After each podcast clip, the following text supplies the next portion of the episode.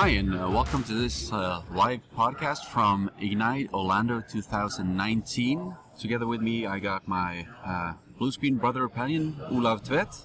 And it's strange. We're actually actually starting to talk uh, English when we're in the US. So, Yeah. And uh, our uh, super special guest, our VIP, Mr. Hyper V, Ben Armstrong. Hi, Alex. It's great to be here and talking to you about all the stuff we have going on uh, in Windows and Hyper-V and a lot of really exciting announcements uh, coming out around Ignite this year. Yeah, so uh, just give us a brief introduction on who you are. Yeah, so I am uh, Ben Armstrong. I'm Principal Program Manager uh, on the Hyper-V team at Microsoft, but I have been working as a Program Manager on Hyper-V since before there was Hyper-V. Um, in fact, I've been working on virtualization in the industry for over 20 years now, um, with over 17 of those being at Microsoft. So, so you really know your stuff. And, Yeah, uh, absolutely. Yeah, and uh, you even got a quite interesting uh, hashtag on Twitter, and you got a very special email at Microsoft. Yeah, I, I uh, am, am known as the blogger Virtual PC Guy. Um, you can email me virtualpcguy, all one word, at microsoft.com, um, and it will get to me. yeah, it's a do you have the XP mode at? I, I actually, there, I, I won't go through. I have, over the years, I've collected a number of interesting email aliases at Microsoft. I could probably spend five minutes just going through all the strange email aliases where it's like, yeah, if you email that email alias, it just ends up in my inbox. Oh, that's interesting. okay, so what's the, some of the cool new launches and features that you've been announced here at Ignite from from your perspective? So, uh, speaking as the, the Hyper-V guy, it's a great time to be on the Hyper-V team at Microsoft because we have so much going on at Microsoft and all of it is building on virtualization. So, like, this show has been amazing. You know, I've been, we've had new capabilities that we've announced in Azure, new Azure services. We've had a massive set of announcements around our hybrid cloud strategy, talking about how we're expanding the Azure Stack family, introducing Azure Arc that everyone's super excited about. Uh, but we've also had a number of announcements coming out about devices where we're using virtualization. And as we were discussing earlier, I am super excited about a number of the, the security announcements that we've been making, which are actually all you know grounded in virtualization. So we've heard some talk about the Spectre meltdown, and you're talking about virtualization actually securing your PC, not Yeah, being a risk. Absolutely. Yes. So to, to give some full background here, uh, you know, I mentioned that I've been you know working on on virtualization uh, forever. Microsoft actually originally had the vision that you could use virtualization and you could use a hypervisor to bring a, a whole new level of security to a platform way back in 2004. Uh, there's been an, an active discussion and something that we've been working towards. And it's been something that has actually kind of snuck out in some ways that people don't really know about. Um, one of my favorite examples is that the Xbox 360 actually had a hypervisor on it that was used to protect the firmware against hackers. Um, so it didn't run virtual machines but it had a hypervisor, and the, the purpose of the hypervisor was it was a, a very thin hypervisor that we built that was highly trustworthy, that was read only in a protected section of, of the, the Xbox 360. When the Xbox 360 booted up, the first thing that booted was a hypervisor, and it would actually go out and validate all the firmware and all the chipsets and make sure that while the Xbox 360 had been turned off, no one had got to the hardware and messed with things. And only once you got a full clean bill of health on all the firmware did we say, okay, now we're going to boot the operating system. Uh, but this has been something that we've had in mind and we've been working on for a long time. So, So into, it- yeah. was that a kind of start for what you see now on uh, how we use the virtualization to uh, secure Windows 10? So Yeah, so it's actually, you know, uh, and as I said, like uh, the start was before that, Yeah, even, yeah, you know, because it's been it's been a big area of focus. Uh, but you know, we've been when we actually when we sat down and designed Hyper-V, um, back in, you know, we started development on Hyper-V in 2005. Um, even though, you know, the first release of Hyper-V was for Windows Server and we were just looking at private cloud, the team very much had in mind that one day we want this to be an amazing security platform that we can bring a whole new level of security technology to the market on.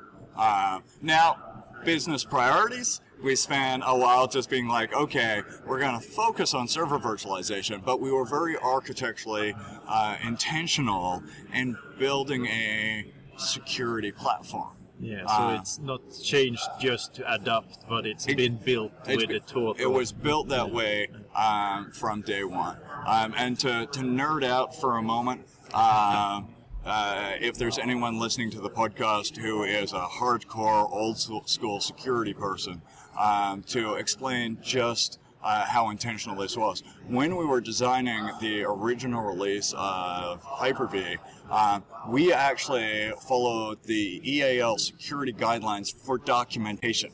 So the all the specs and documentation for the original release of Hyper-V uh, met the EAL 5 Plus uh, certification, which is a really stringent documentation process. Uh, and I actually happen to know off the top, this number off the top of my head uh, because I was actually uh, involved in a security audit of Hyper-V uh, just a couple of weeks ago. Every time we do a release uh, of Windows Server. We go through and we do common criteria analysis, we do a full security audit, and so on.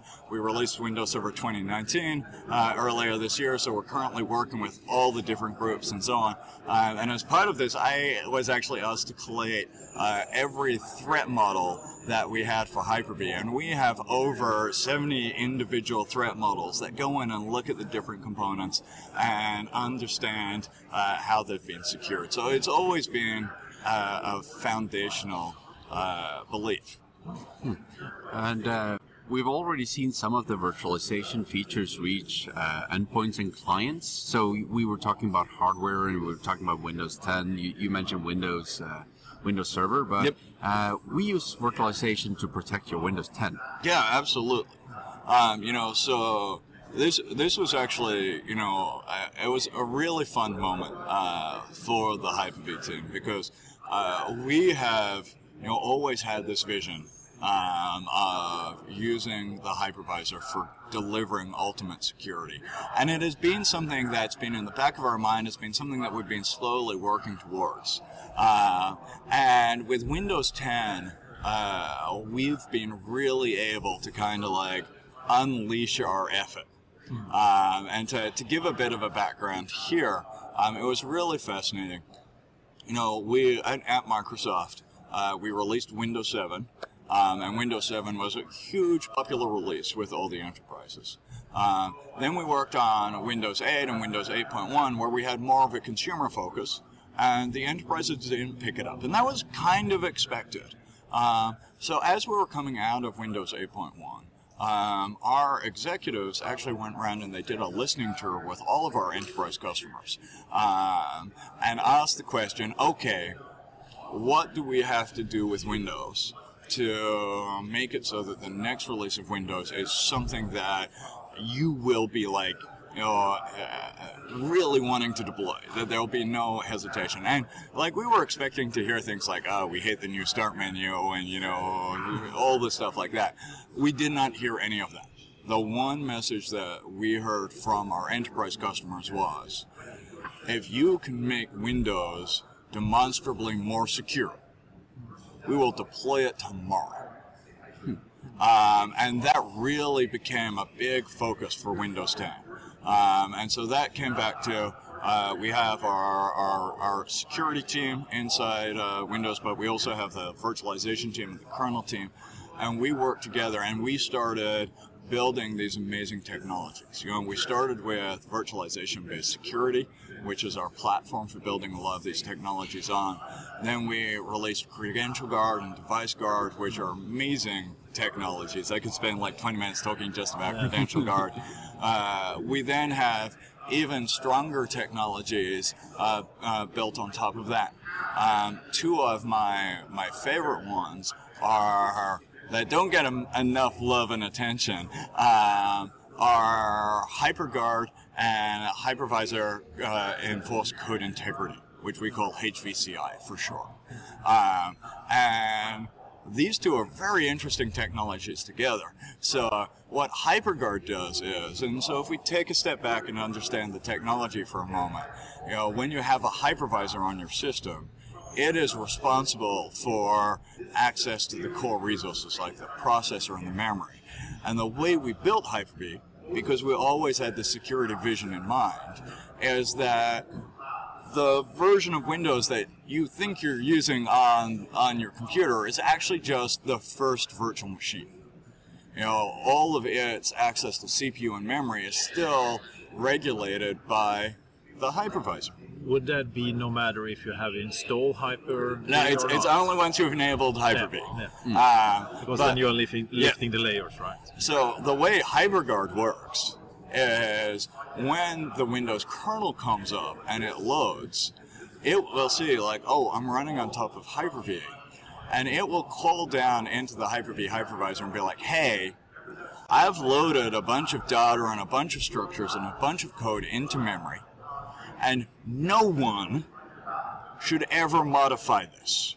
Like, I need it here so I can read it, but I'm not going to modify it. And if anyone tries to modify it, it's because they're trying to attack the Windows kernel. So, Hyper-V, make this memory read only to everyone. And we can do that.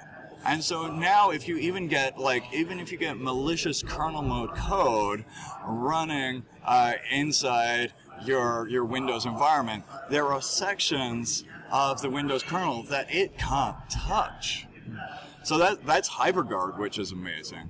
Uh, hypervisor enforced code integrity is we have uh, for a, a long time now we've had the concept of code integrity um, in Windows. And code integrity is simply that you can configure Windows in a secure way where, you know, actually to make this really understandable, have you ever, like, when you know when you install an application um, on Windows and you get the elevation prompt, most of the time it tells you like, oh, this is an installer from this vendor. And some of the time it tells you like, this is an installer from who knows, unknown source. The difference between this is one of these had was signed code with a trusted certificate. One of them was not. Now, using user mode code integrity, which we've had for a while in Windows, as an administrator, you can go in and you can say, hey, one, no one is allowed to run anything that doesn't have uh, uh, uh, is isn't signed. Um, if it's unsigned code, we just don't run it. You can even go further, and you can start to be like, and I don't trust these vendors, so I don't trust these certificates. Yeah. Uh, however, that's only enforced for user mode code. It's not enforced for drivers. It's not enforced for kernel mode code. And that's where our hypervisor-based code integrity comes in, because we can bring the same level of protection to the kernel mode of Windows as well. Hmm. And we can make it so that, one, you only load code that's signed, but two, every time that code gets loaded, we can actually check the checksums. We can make sure that it hasn't been tampered with. We can detect if it's tampered with at runtime, and we can dynamically shut it down. So it's an immense level of security. That sounds uh, sounds like we uh, really need to wrap up uh, the hypervisor security platform. This Yeah. is, uh, but it so- sounds also like uh, you had Windows 8, a feature-driven Yep. uh, operating system, but Windows uh, 10 uh, mainly focused to make everything uh, safe and secure. Absolutely. Yeah, And I haven't even touched on things like Windows Defender Application Guard, which is an amazing technology for security, once again, uh, built on top of virtualization. Yeah, and we, we have done uh, talks here, uh, podcast, uh, and I'm going to talk next next week in Paris about uh, Sandbox. Yep. Because the Windows Sandbox uh, Is, is it awesome. should be used much more by developer, tester, or ordinary user that's unsecure. And, and it was I actually I talked about both Defender Application Guard and Sandbox uh, in one of my sessions this week, and let me tell you, like I I stood up in front of a room full of people, and I said, how many people here have used Windows Defender Application Guard? and it was not enough hands by by any. It was like twenty percent of the room. And then I said, How many of you have been browsing the web looking for a download and you found a link and you've gone like, ah, I think that link's gonna be kind of sketchy. Yeah. 80% of the room. And then I say, How many of you clicked on it anyway? and once again, like 80% of the room. And I'm sitting there going, like, people, like, this is what Windows Defender Application Guard was designed for. And it's so easy because you just, once you have it enabled, awesome. So you have it there. It, you just open, like, you get to that moment, you're like, okay, Application Guard window, have a new browser, uh, and away you go. So what is happening when you open something in Application Guard? Uh, black magic. Um, it is. It is. I, I would. I would love to. Uh, I could go- go on for hours because it really is quite amazing technology. Um, what we are doing uh, is a number of things. The first thing is when you. At, at a super high level, when you start Windows Defender Application Guard, we are spinning up a brand new Windows 10 fully isolated virtual machine in a couple of seconds uh, um, and starting an instance of Edge in there and connecting you to it. Now, the fact that we do this in a couple of seconds in a really light way is where the black magic comes So comes it's into even play. faster than Sandbox in, in the store. it is yeah. faster than Sandbox, um, and it is really quick to come up. And the interesting thing is, you don't have to install Windows. We don't have a second installation of Windows sitting around. What we're actually doing is we're going. We already have a copy of Windows that we trust. It's the one that's running in the in the host. Yeah. Um, but we create what we call a composed file system where we're taking all the trusted files for the host, we compose them in a read-only way, expose them through to the virtual machine, boot it up, you know, and we do all the file system tracking. We developed a new way to do memory management so that this is low impact on memory. Um, it is really an amazing set of technology. That's super cool. Um, and uh, we've already seen web browsers being split away from Windows in a certain uh, unnamed game console. So what's the story about about that? So what you're talking about is the Xbox One. Uh, because the Xbox, and I mentioned at the beginning of this, everything that Microsoft is doing runs on top of Hyper-V, which makes it a really fun time to be me. Uh, the Xbox One uses Hyper-V. Um, uh, ordinarily, the Xbox One is running between one to three virtual machines um, on top of Hyper-V. The first virtual machine is the one that's responsible for just the console experience, all the menus and so on. The second virtual machine runs whatever game uh, you're playing right now, and then we have a third virtual machine specifically for if you want to do web browsing on the Xbox, and it follows exactly the same model as Windows Defender Application Guard in that you open up, you know, Edge on Xbox, we spin up a virtual machine, you're in a sandbox, like you run, when you close it, we just throw that all away, um, just to have, you know, the, the most protection here. Are, are, are it going into a sleep state uh, when you're? No, we, we dispose it. Like, Uh, but I'm thinking about all the VMs because if you have a ga- game running and so- change it. we don't we don't dispose the gaming VM. No. Uh, because we do a lot of publication validation and, and so on. uh, But for the the internet one, because you could go to a random website and who knows what's there. Whenever you close that, we throw it away. okay. Yeah. But one of the things that I'm really excited about, we actually announced this two weeks before Ignite, is the secured core PC. Yeah. Um, and this is starting a video there. This is a, a, a combination. This is the result of a number of efforts.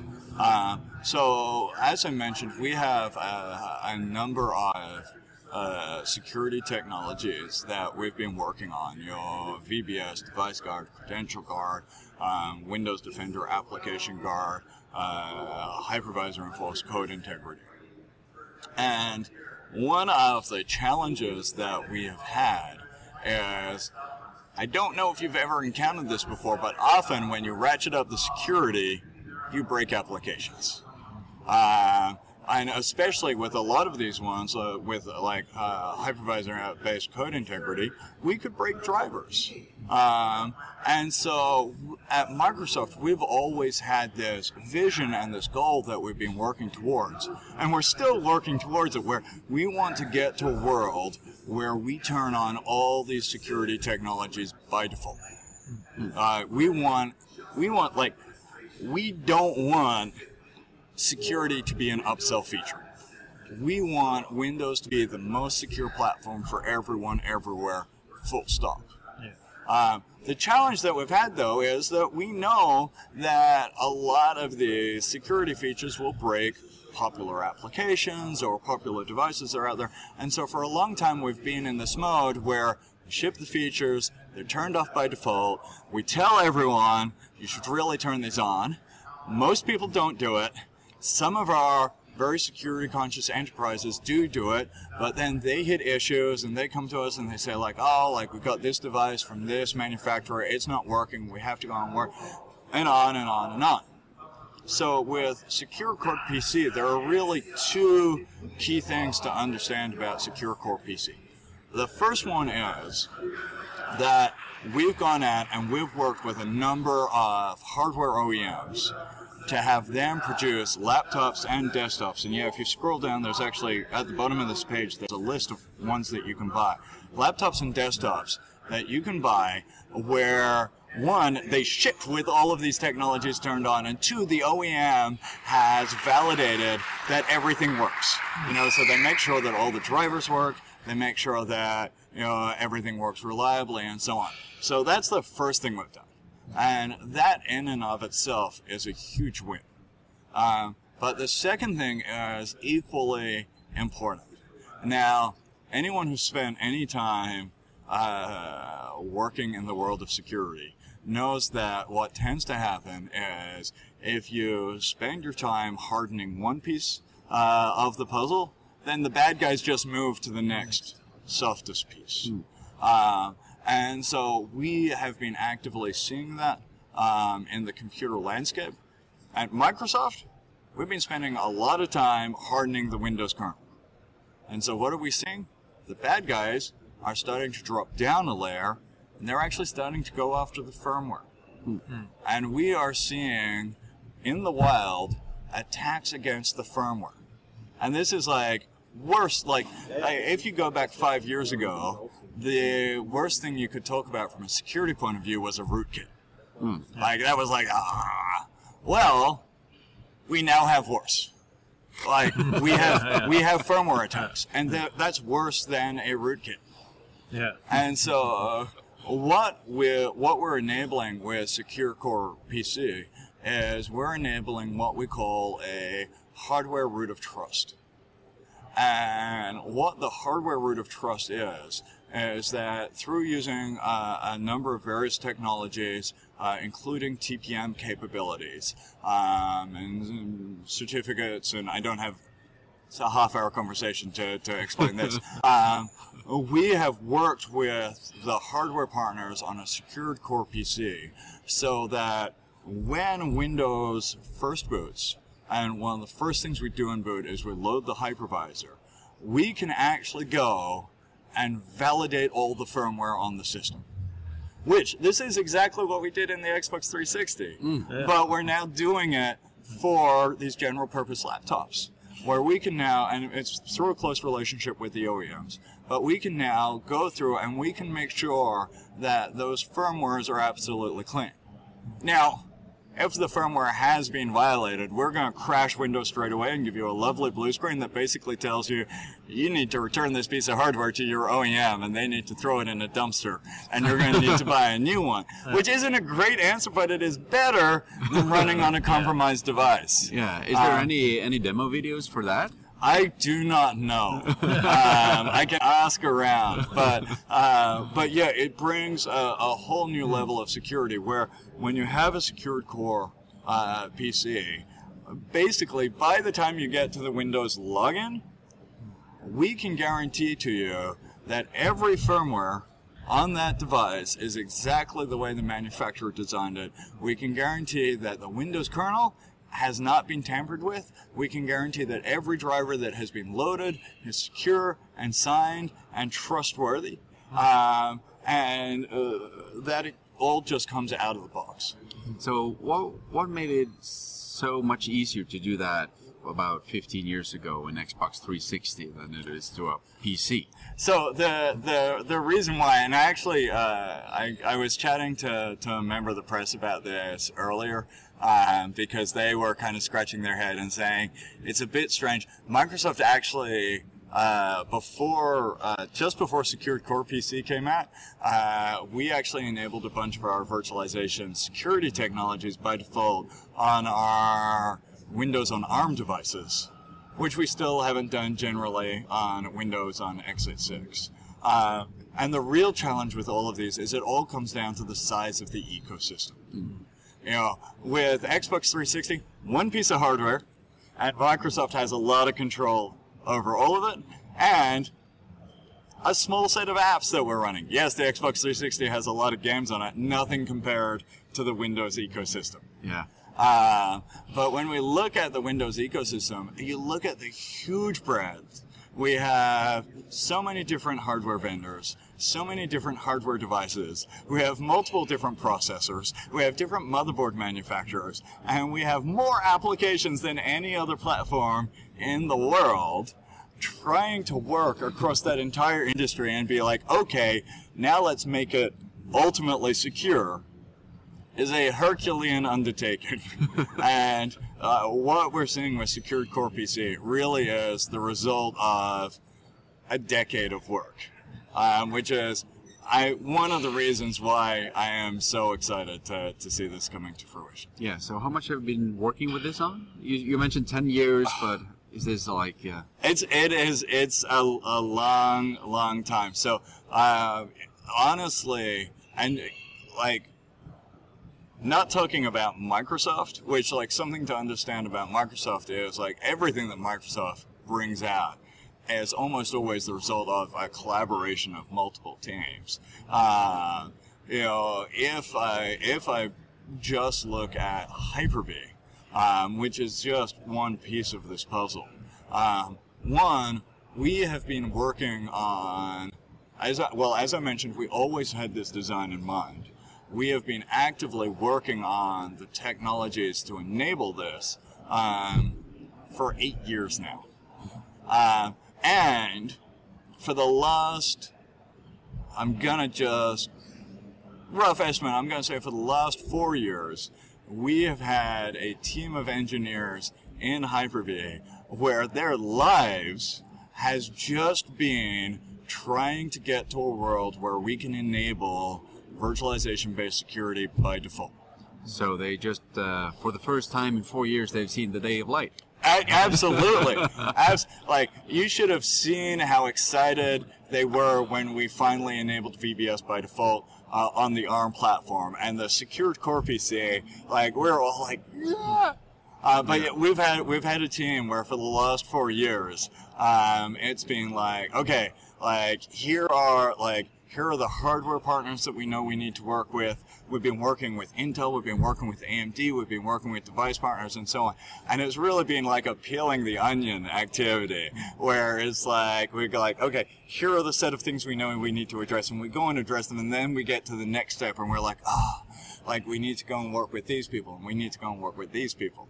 Uh, you know, one of the, the really fun ones, um, that happened here um, is it was actually this goal that we have of enabling these virtualization technologies everywhere that led to one of the most unexpected uh, events of my career in the last 10 years. Um, and that was that this year I was on stage at VMworld. Ooh, yeah. Uh, because that was I'm like if you had told me that that was going to happen like two years ago, I would have been like, no. Uh, but to, to give the the story here, you know, we've been working on these security technologies. We've been talking to enterprises. Enterprises have been really excited about it. But one of the downsides has been that once people enabled these, they couldn't use VMware Workstation. And we have a lot of enterprises who use VMware Workstation. Um, and so a couple of years ago, uh, we reached out to VMware. Um, in one of the, the strangest hello conversations ever, and was like, "Hey, would you consider working with us to get VMware Workstation running on the Hyper-V hypervisor, so that our shared customers can use all of our technology?" Um, and they said yes. um, and so for the last uh, while now, we have actually very quietly uh, had a team at Microsoft and a team at VMware working together to get VMware Workstation uh, working on the Hyper-V hypervisor. This year at VMworld, they announced this effort. Uh, they flew me down to, to VMworld. Uh, it was definitely strange. I was I was like front row seat in the VMware Workstation roadmap, and you could have heard a pin drop when they're like, and now we're inviting Ben Armstrong from Microsoft to the stage. um, and I stood up there, talked about all of this, and then they demoed VMware Workstation running on a system that had virtualization based security and credential guard and all of our technology enabled. Uh, so that was really exciting. But that, Uh, that's what we need to make sure that uh, security will be prioritized. Ex- right? Exactly. Um, and and that, but this all comes back to you know, at Microsoft, like our north star here is we want Windows to be the most secure platform there is, unquestionably, and we want all of this technology turned on by default for all of our customers. So security by design and uh, by default. Absolutely. is, uh, absolutely. probably and co- cooperation. a cooperation. Yeah. so- Yeah, least but not most. So But would the secure uh, core PCs would uh, would it be easy to see what model you should buy, or do you need to go into a list to figure out what you should buy, or will every new model So- sooner or later be a secure? That that is our dream. Yeah. Like uh, we want to be in a world where we actually don't use the secured core PC phrase because it's just a PC, Yeah. and that every PC you would buy uh, would have all this on. We are not there yet. Yeah. Um, so here and now today, uh, for enterprises, we are very much saying like. Go to our site for Secured Core PC. Look at the list that we have there. When you're talking to your OEMs, when you're looking at hardware refresh, be saying, "I want a Secured Core PC," uh, because that is how you're going to get all these technologies and know that you have this amazing security promise, while still like having all the usability and functionality that you expect. oh, that sounds great. So uh, thank you so much for your time, Ben. It's been very, very entertaining, uh, lecturing. It's been uh, been emotional. Yeah. Yeah. I- Thanks for I- I- everything I- you have done since. I, I PC. always, I always love talking about our technology and what Yeah. it enables people to do. Yeah. So uh, hope you enjoy the rest of uh, what's last of uh, last day of Microsoft Ignite. Absolutely. Uh, I, I always love the last day because the people here today, they are they are the true fans. Yeah. yeah. That's Uh, the hardcore that stick to, Yeah, to the I- bitter end. right? Absolutely. Yeah. All right. So uh, take care. Yeah, thank you.